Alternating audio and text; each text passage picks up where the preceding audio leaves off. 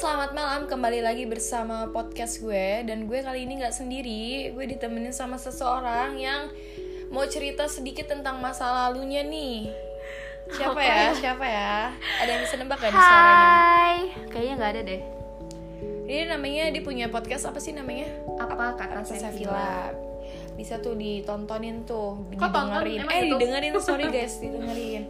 Sekarang gue kayak pengen nanya-nanya nih ke lo sendiri. Ntar lu apa dulu nih? Ntar gue belum tentang siap. kayak masa lalu gitu deh. Ini mah improvisasi aja pengalaman pribadi sendiri aja. Oh my god, kenapa sih harus masa lalu? karena Kayak masa lalu itu masa depan? Aja kalau masa kan masa lalu itu kita kan bisa kayak mengingatnya terus kayak kita bisa belajar dari masa lalu juga. Tapi kan kalau diinget-inget lagi jadi kayak makin aduh makin sakit lagi, makin oh masa lalunya lagi. sedih ya menyedihkan banget berarti Ya, tapi ada yang nyenangin sih. Ya tapi kebanyakan dominannya kan kayak gitu. oke deh Langsung selalu banget. gini aja deh kita aku punya lima pertanyaan nanti dijawab aja udah tinggal dijawab setelah sini bebas mau ceritain tentang apa pun. Kayak biar kita bisa tahu nih pengalaman-pengalaman dan orang yang sedang ngalamin barangkali sedang ngalamin kayak sama cer- dengan cerita lo jadi bisa kayak lebih termotivasi jadi kayak jangan stuck di masa lalu terus bisa bangkit lah guys Dari masa lalu gue nggak ada yang bisa termotivasi. walaupun nggak ada tapi ada lah sedikit sedikitnya Iya iya boleh. oke boleh. jadi gini deh apa yang lo pikirin tentang masa lalu yang gue pikirin tentang masa lalu. Eh, sebenarnya masa lalu tuh nggak semuanya nyakitin nggak semuanya nyedihin nggak semuanya bikin lo terpuruk. Tapi karena stigma orang-orang tuh selalu buruk tentang masa lalu sebenarnya walaupun ada hal yang menyenangkannya juga gak sih? Ya. Bener banget bener banget. Ada juga eh, hal-hal yang bikin waktu itu lo bahagia tapi ketika lo udah nggak bisa milikin itu lagi ya itu yang bikin lo sedih. Dan itu adalah eh, hal yang bikin stigma orang-orang masa lalu itu jadi buruk gitu kalau definisi masa lalu buat lo apa? Cari Wikipedia aja kali ya. Bisa deh de- definisi masa lalu di Google. Kalian tinggal cari. Oke Google definisi masa lalu. Masa lalu adalah mantan terindah gitu. Wow ada. anjay. Anjay. Eh nggak boleh loh tidak. Maaf ya keceplosan guys. Jadi eh, definisi masa lalu buat gue sendiri adalah eh, hal-hal pengalaman-pengalaman yang pernah gue alamin tapi eh, itu adalah something yang bermakna buat diri gue sendiri gitu. Bisa buat pelajaran hidup lo sendiri kan Mm-mm, berarti. bener. ya namanya juga masa lalu pasti jadi pelajaran lah. Kalau sendiri pasti punya cerita masa lalu lo yang belum bisa lo lupain sampai sekarang. Jadi lo masih kayak agak belum move on gitu dari masa lalu sendiri. Lo pasti punya deh. Lo juga ya semua orang pasti punya dan yang mungkin yang lagi dengerin podcast ini juga pasti ya pasti punya. lah. gak sebut apa ya kayak masa lalu kan gak mungkin langsung harus dilupain gitu loh guys. Kayak susah kadang lupainnya. Kita belajar dari masa lalu buat kayak lebih ke masa depan yang lebih cerah gitu. Hmm. gimana gimana cerita ceritanya masa lalu gue sama yang mana? Oh ini tentang per- percintaan guys. Oh Tentang percintaan berarti nggak bebas mau apa ya ya kayak udah deh cerita masa lebih lalu dominan kan gitu. maksudnya kalau orang-orang ngerasain masa lalu itu selalu ke Mantan. percintaan ya mantan gitu kalau yang kehidupan mungkin privacy sedikit ya mungkin bagi beberapa orang lebih sering juga ngerasain yang tentang percintaan kalau gue eh, waktu itu gue punya masa lalu gini jadi waktu dulu gue pernah eh, dicintai oleh satu orang itu untuk pertama kalinya gue merasa dicintai oleh satu orang di hidup wow gue. uh, banget dong konten selain TikTok. orang tua gue ya maksudnya. Kayak orang lain gitu. Eh, waktu itu yang bikin gue apa ya tidak bisa menerima adalah karena eh, waktu itu gue masih suka sama orang lain. Suka sama kakak osis pas ngemos gue. Nah eh, sayangnya dia itu waktu dulu pas itu dia malah nggak ngomong kalau emang dia suka sama gue nah dia ngomong itu setelah dia pindah ke Jakarta. Nah, akhirnya pas dia pindah ke Jakarta, kita tuh sebenarnya pas waktu kelas 7 itu sebenarnya kayak sahabatan gitu deh modelnya. Dia selalu nemenin gue makan di kantin buat ngeliatin kakak OSIS yang lagi main bola itu. Dan dia tuh sebenarnya pada saat itu dia udah suka cuma dia nggak pernah berani bilang. Cinta yang tak terungkap ya guys Mm-mm. bisa dibilang. Dia nggak pernah bilang kalau ya kan gue juga kan jadi nggak tahu kalau dia nggak bilang kan. Terus akhirnya dia pindah lah ke Jakarta sampai akhirnya kita tuh miscommunication sekitar setahun setengah. Oh, akhirnya kita ketemu di Instagram. Akhirnya CLBK. kita enggak eh, kan gitu gue belum tahu kalau dia suka sama gue nah dia nge-follow gue akhirnya gue follow back. Dulu tuh masih zaman BBM kalau nggak salah. ACC, ACC pin. iya bener. Nah terus akhirnya pas itu chat tinggal lah di BBM Emot-emot alay gitu gak sih? iya. Papa mamahan juga gitu. ah enggak. Enggak sumpah enggak. Dia tuh nanya kabar gue gimana dan dia nanya kalau eh, lu tuh udah move on belum dari kakak osis yang waktu itu pernah lo suka gitu kan. Terus gue bilang ya gue udah nggak tahu kabar dia gimana. Akhirnya gue udah nggak berharap apa apa dong. Nah dari situ pas gue mengakui kalau gue udah tidak punya perasaan apa apa dengan si kakak osis itu dia menyatakan lah. Nah akhirnya pas setelah dinyatakan gue merasa kayak apaan sih? Sahabatan doang? Kok begini jadinya ya? Karena karena pada saat itu gue adalah orang yang tidak enakan untuk kayak ya gue nggak enak kalau nolak sumpah waktu itu ya berarti gue nerima karena kasihan juga sih Berarti lu nerima dia kayak karena kasihan, bukan karena dari hati lo sendiri gitu. pada saat itu ya pada saat itu bisa dibilang gitu pasti kalian juga ada yang pernah ngerasain gitu ya, kayak Pernah sih lo ditembak karena terima terpaksa. terima karena kasih Kasihan. Terpaksa ya karena Terpaksa, enak terpaksa karena muka dia kasihan gitu kalau gue mah gue kan nggak nggak ditembak secara langsung gue nggak tahu mukanya Oh, gimana ya. gitu. cuma cuma kan kayak nggak enak aja gitu intinya kalau nolak pasti adalah beberapa yang ngerasain itu juga terus akhirnya gue pacaran dengan tanpa uh, memulai tidak ada perasaan apa apa gitu. Terus akhirnya rasanya rasanya nggak enak banget coy kayak tiba-tiba nggak ada perasaan apa-apa terus harus pacaran gitu kan. Kayak apaan sih terpaksa banget. Sampai akhirnya daripada gue ngerasa toxic relationship akhirnya gue memutuskan untuk udah. Gue bilang baik-baik akhirnya dia menerima hal itu. Sampai akhirnya dua bulan kemudian kakak osis yang pernah gue suka itu setelah eh, sekitar berapa tahun ya dua tahun dia pergi maksudnya di, eh, dia kan SMA ya akhirnya dateng lah Ngechat lagi? gua. nah, eh, dia ngechat bla, terima gitu? Enggak, dia nggak dia cuman ngedeketin cuman kayak nanya kabar pada saat itu dia nggak nggak langsung to the point gini gimana gimana gitu tapi gue gue yakin setiap orang yang punya perasaan yang belum selesai pasti bakal ngerasa seneng kalau misalnya dia balik dan lagi Kangen gak sih? Mm-mm. Kayak kangen akhirnya gue chatan lagi, gue Iya. bisa berhubungan communication lagi sama dia. akhirnya setelah itu kita berkomunikasi selama berapa bulan ya Eh, berbulan-bulan deh kayaknya sampai akhirnya bulan bulan April itu dia ada nembak gue si kakak osis itu nah Lo terima? Heeh. Nah, orang si sahabat gue yang sebelumnya yang tahu gue gimana itu akhirnya tahu lah kalau gue uh, jadian sama si kakak osis ini dan dia tuh ngerasa kayak akhirnya ya lo jadian juga nah akhirnya gue merasa bersalah banget dong sampai kayak ya ampun apaan ya gue ngerasa bersalah banget akhirnya uh, setelah setahun pacaran dengan si kakak osis itu gue menyudahi karena uh, menurut gue apa ya waktu itu dia dia terlalu gimana ya sama gue terlalu posesif bisa dibilang. Uh, enak banget sih kalau udah posesifin. mm, sebenarnya gue mau pacaran tapi gue pengen merasa gue bebas gitu. Gue bebas berteman dengan siapa pun lawan jenis. Kayak kalau kayak gitu Ya, pacaran sama fuckboy dan lo nya harus jadi fuck girl. apa sih? Enggak asalkan gue tahu batas. Maksudnya masa lu jadi nggak nggak punya teman cowok kan gak enak juga Iya benar banget. Nah, waktu itu gue kan sebenarnya emang anaknya fleksibel ya, bisa sama siapa pun ya mau aja gitu main bareng sama cowok. Ya gue emang circle-nya dikit banget sih. Cowok pun ya apa sih cuma teman kelas doang. Dan pada saat itu gue merasa kayak ter- sedikit terkekang ya, mungkin bisa dibilang kayak gitu. Nah, itu mungkin buruk-buruknya dari masa lalu gue.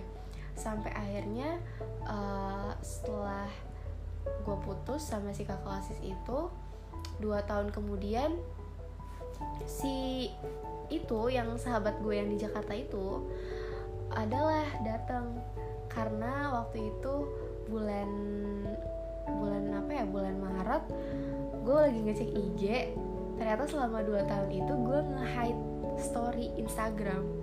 Pantesan selama ini gue nggak pernah ngeliat ternyata gue sendiri yang nge-hide. Aku kira Terus berarti dia yang lo kira dia yang ngeblok lo atau Uh-uh. ngejahat gitu ya ampun gak sih? iya kan? Maksudnya dikira di unfollow atau gimana gitu kan. Terus akhirnya ternyata selama ini gue nge-hide anjay. Astagfirullahaladzim. Nge-hide selama 2 tahun kayak gue nggak sadar kalau gue nge-hide. Akhirnya eh, pas dia ulang tahun gue co- coba buat ngucapin sebenarnya gue merasa bersalah banget sih. Tapi akhirnya ya udahlah gue pengen sekalian apa ya kayak minta maaf juga. Akhirnya gue ucapin dan dia masih tetap baik sama seperti waktu itu gue kenal. Eh, akhirnya udah cuma sekedar ngucapin makasih happy apa happy birthday terus Happy makasih terus udah. Nggak ada apa-apa lagi. Pas gue ulang tahun dia ngucapin lagi tuh nah kebetulan minggu depannya gue mau ke Jakarta. Akhirnya ketemuan lah di sana. Akhirnya tuh sih niatnya sih sebenarnya ketemuan cuman pada saat itu dia dia tuh kayak ngerjain gue gitu. "Eh, kayaknya kita nggak bisa ketemu deh gini gini gini karena waktu itu dia masih sekolah. Terus akhirnya pas eh, gue sabtu mau pulang dia kamis tuh kayak bilang "Eh, sorry ya gue nggak bisa ngajak lo jalan-jalan di Jakarta tapi gue bisa ngajak jalan lo besok. Kayak Sumpah, bikin melongo gak sih? Iya sih. sih? Maksudnya gimana gitu kan? Terus akhirnya eh, kita ketemu lah di situ. Pertemuan pertama dari empat tahun gak ketemu. Itu kayak ngerasa bersalah ada gimana ya tapi kayak paham gak tapi sih ngerasa bersalah? dia masih nerima gitu ya. Ya, untungnya kayak gitu dia baik banget sumpah nggak ngerti lagi. Sampai akhirnya kita ngabisin waktu yang cuman berapa jam ya dia datang itu jam setengah empat dan kita harus pulang itu jam 8 malam. Cuma 4 sebentar jam. banget dan kita guys. itu make waktu buat nonton film. Salah banget harusnya dipakai buat makan aja sekalian ngobrol-ngobrol. Ini malah nonton film. Kan nonton film kayak nggak penting banget sih Iya. Terus kita lebih fokus ke filmnya daripada kita Nah, harus kayak ngobrol communicationnya. Itu, itu nah. malah jadi lost lagi. kan? Komunikasi cuma waktu itu ya paling cuma di jalan doang gitu kan. Terus akhirnya dari situ gue deket lah sama si dia itu. Mas mas mas siapa ya manggilnya? Mas crush deh. Nah terus tuh si si dia itu akhirnya eh, bilang lah kayak gue nggak bisa LDR kayak Putus. dibalikin paham nggak? waktu Putus itu lagi gue tapi? waktu enggak kan itu nggak jadian. Oh nggak jadian. Eh, waktu itu kan putus kan gara-gara aku bilang aku nggak bisa LDR nah setelah sekarang ketemu kayak nggak akan nggak akan nggak- lo nggak usah harapin apa apa karena gue nggak bisa LDR paham nggak Mm. nah kayak gitu kayak oh it's okay gitu kan. Iya nggak apa-apa. Dan sebenarnya waktu itu sebenarnya gue belum sedikit berharap untuk ke jenjang lebih sih. Mungkin lebih tepatnya kayak gue cuma butuh temen chat doang. Pada saat itu emang emang dia kan orangnya sahabat gue dari dulu. Maksudnya gue tahu dia banget dan gue nyaman gitu kan. Tapi akhirnya uh, kita nggak bisa sama-sama buat bareng-bareng gitu. Nah setelah bulan Desember ketemu gue pulang lagi kan ke sini. Bulan apa ya? Maret eh, 20 iya bulan Maret ada gue ada balik lagi ke Jakarta. Kenapa? Karena waktu itu gue merasa kayaknya gue harus ketemu lagi deh sama dia. Akhirnya ketemu kah ketemu lagi dan gue dijemput di Gambir. Itu for the first time gue berani ke Jakarta. Sendiri kah sendiri. Demi apa coba? Demi dia doang. Kayak ya ampun. Gue tuh mikir kayak gue masih sekecil itu. Gue pergi naik kereta sendirian. Kayak gue tuh di eh, waktu di kereta tuh kayak gue mikir ini lo beneran di kereta sendirian? Sampai nggak kenal depan nggak kenal. Tapi akhirnya ya udah diberani berani aja gitu kan. Terus akhirnya ketemulah dijemput tuh di Gambir.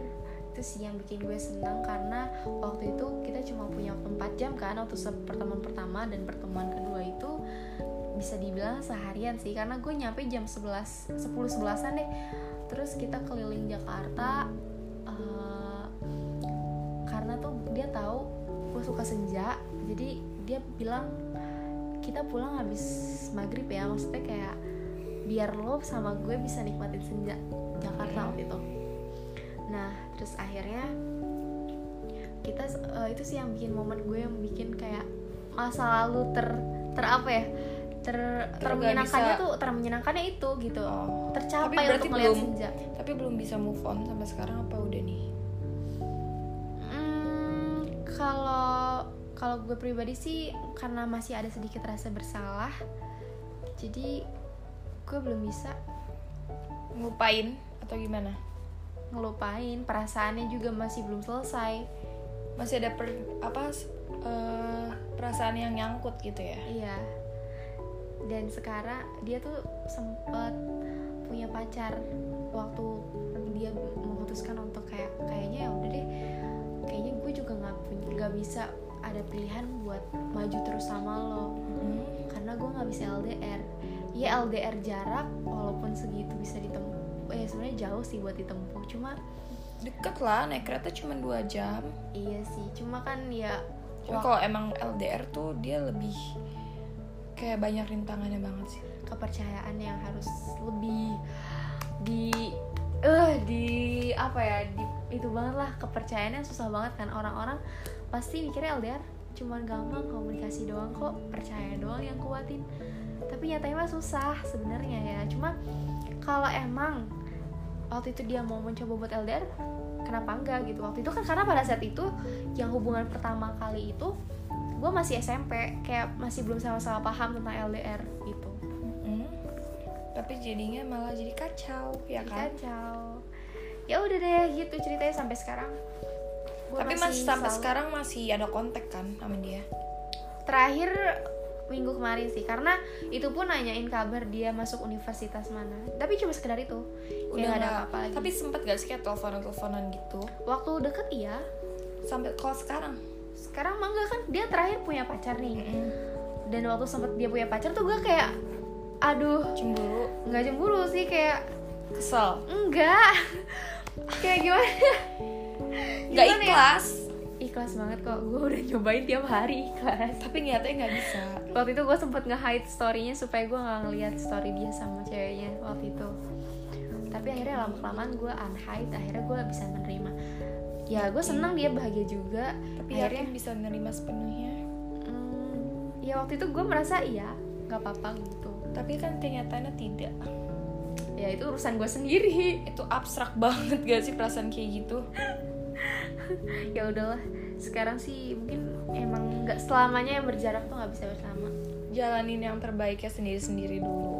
Nanti kalau misalnya emang udah ada yang cocok mah nggak ke mana guys. Jangan terlalu iya. terburu-buru. Emang lo gak punya cerita masalah nggak punya banget. Apaan sih? Tapi kayaknya ada deh. Soalnya kan gue uh, kenal lo itu kan dari zaman bayi ya kalau bisa dibilang.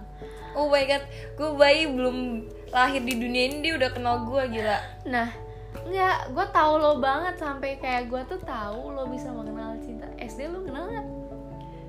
Kayak SD tuh gue kayak gak banget gitu gak sih? kayak SD alay tuh, banget gila SD, SD tuh, pacaran lo otak gak gitu? terlalu uh, SD itu lo tuh masih bocil banget sampai kayak cuman teman-teman cewek doang circle-nya. Nah, sebenarnya gue main sama teman-teman cowok tapi gue bingung kok teman-teman cowok gue sama teman-teman cewek gue bisa pacaran dan alay banget kayak mau ketemu tuh tau gak sih kalau kalau ngeliat anak SD pacaran gimana sih? Kayak geli gak sih? Pojok-pojokan kayak gitu. Terus kayak banyak kan dikerumungin sama temen-temennya kan alay banget. Aneh gue geli ngeliatnya. Anak SD seumur ini masih umur ingusan pacaran kan gila banget. Ya kalau gue sendiri sih ngeliat lo kenal cinta bener gak dari zaman SMP sebenarnya kalau kayak gitu kayak lebih pertama awalnya bukan cinta ya. Kalau apa ya kalian pasti pernah gak sih kayak kayak seneng kalau ngelihat orang gitu kayak ada orang yang bikin kayak ngeklop ke diri kalian terus tiba-tiba kalian seneng gitu terus kayak bisa nyatu sama diri kalian tuh. Kayak seneng aja awal tuh nggak sampai kayak suka awal apa gitu. Nih? awal kayak pertama kali kayak SMP tuh kayak lu gila gak sih kakak kelas gitu kan? Kayak kakak kelas gue di SD gak ada yang kayak gini gitu. Oh ini kisah cinta sama kakak kelas ceritanya. Enggak, bukan ya, cinta. Gue ngerasa sama OSIS ya kan? OSIS ya kan? Kenapa sih orang-orang kalau di suka pada gitu? Sebenarnya awal nggak bukan suka. Gue nggak kenal gitu. Gue nggak ada suka sukaan di SMP juga kayak nggak gimana gitu. Nggak kayak temen-temen gue kayak yang lain pas di mos langsung kayak gila yang ini kakak kelas ganteng banget yang ini cool banget yang ini keren gitu gitu kayak mm enggak. Pasti nyarinya begitu sih. Cuma kalau gue kayak gue nggak sengaja aja gitu. Kayak tiba-tiba dia duluan yang ya zamannya BBM lah ngerti sendiri. Mm-hmm. nah aceh gitu gue awal nggak kenal dia. Terus malah gue kalau ngeliat dia kayak ini siapa sih? Kayak so soan banget kayak so keren so ganteng sampai orang tuh kayak pada minta foto sama dia gitu tuh. Iya sih bener-bener. Kayak namanya osis mungkin ya. Osis kan pasti kayak hits gitu. Tapi gak dan waktu semuanya. wak- dan emang waktu itu tuh dia tuh jadi inceran semua adik kelas kalau bisa dibilang semua orang juga. Kakak hits sekali. Terus?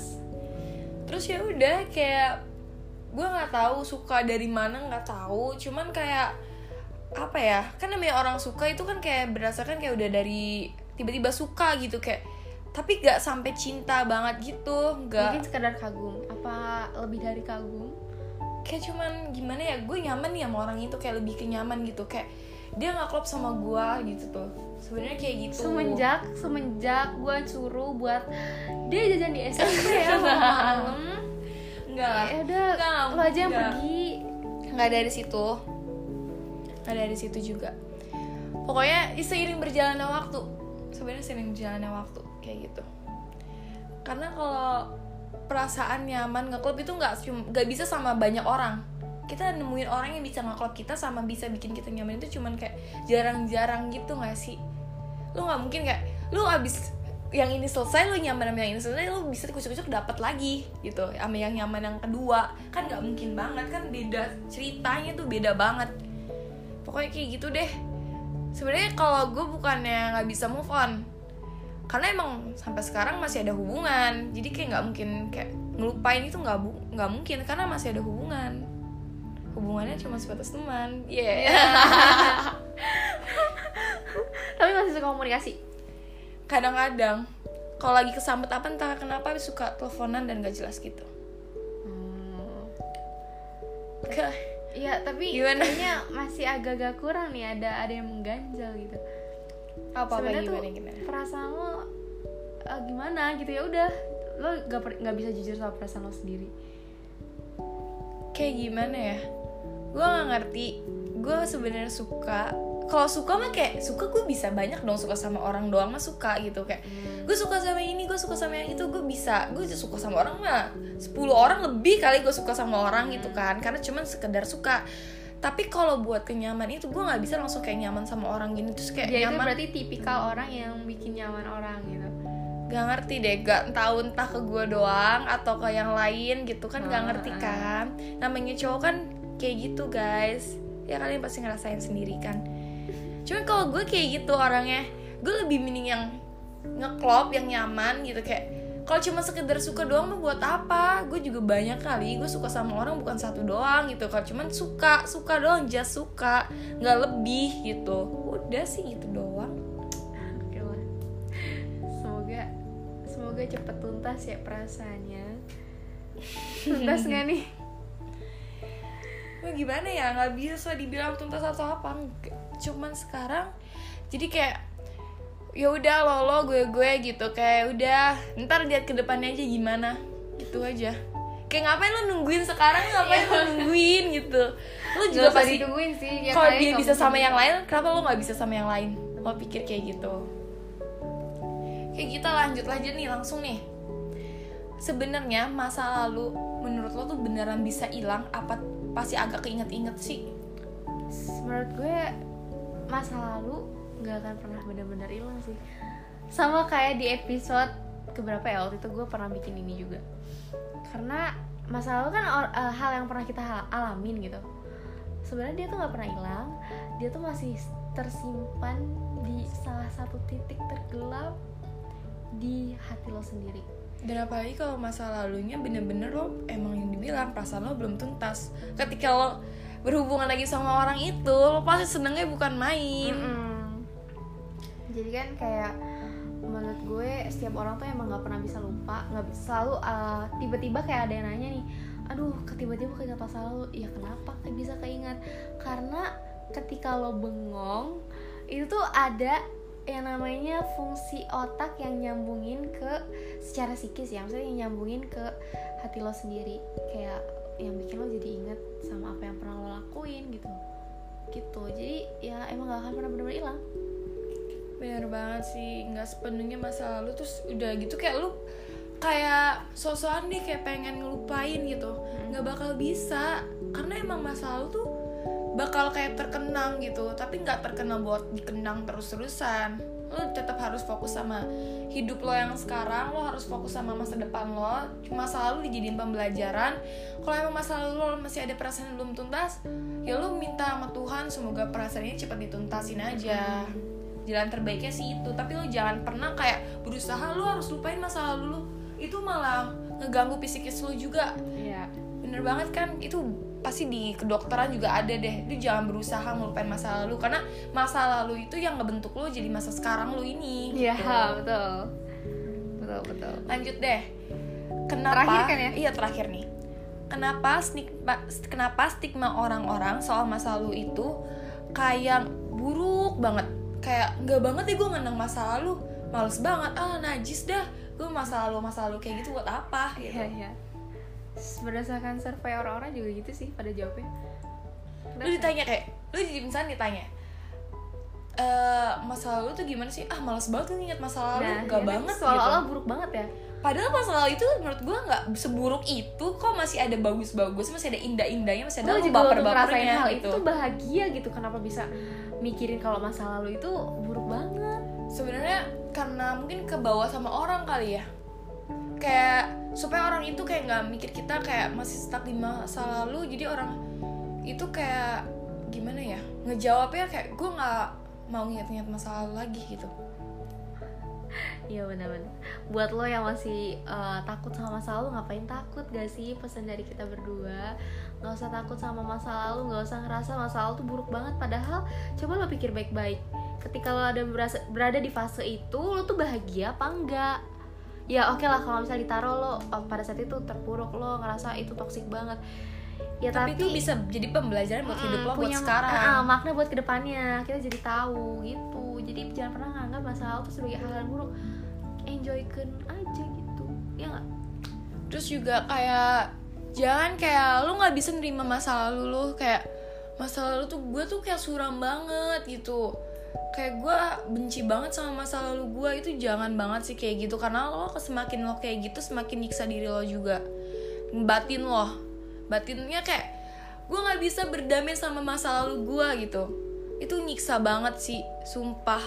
Gue pernah dia apa keadaan kayak gitu pernah dan kayak menurut gue kalau gue kayak gini terus gue nyiksa batin gue kan. Ya udah gue kayak oke gue cari kesibukan gue yang sekarang gue cari jati diri gue hidup gue yang sekarang gini. Ya buat nanti masa lalu gue mau misalkan timbul lagi di masa depan gue gimana gitu kan itu urusan Tuhan kan kita nggak ada yang tahu. Pokoknya kita kayak udah kita fokus dulu sama yang sekarang kita jalanin sama yang sekarang nggak usah nginget-nginget masa lalu dulu. Masa lalu nggak boleh dilupain tapi dijadikan pembelajaran. Ya betul sekali oke kayaknya timingnya cukup. Udah cukup nih udah berapa menit nih? Udah wow udah hampir jam ya. Iya. Oke guys sekian dulu podcastnya dari gua dan aku siapa ya? Siapa ini? Ya udah deh nggak usah disebutin. pokoknya sampai ketemu di podcast podcast selanjutnya dan selamat berdamai dengan masa lalu. Yay, bye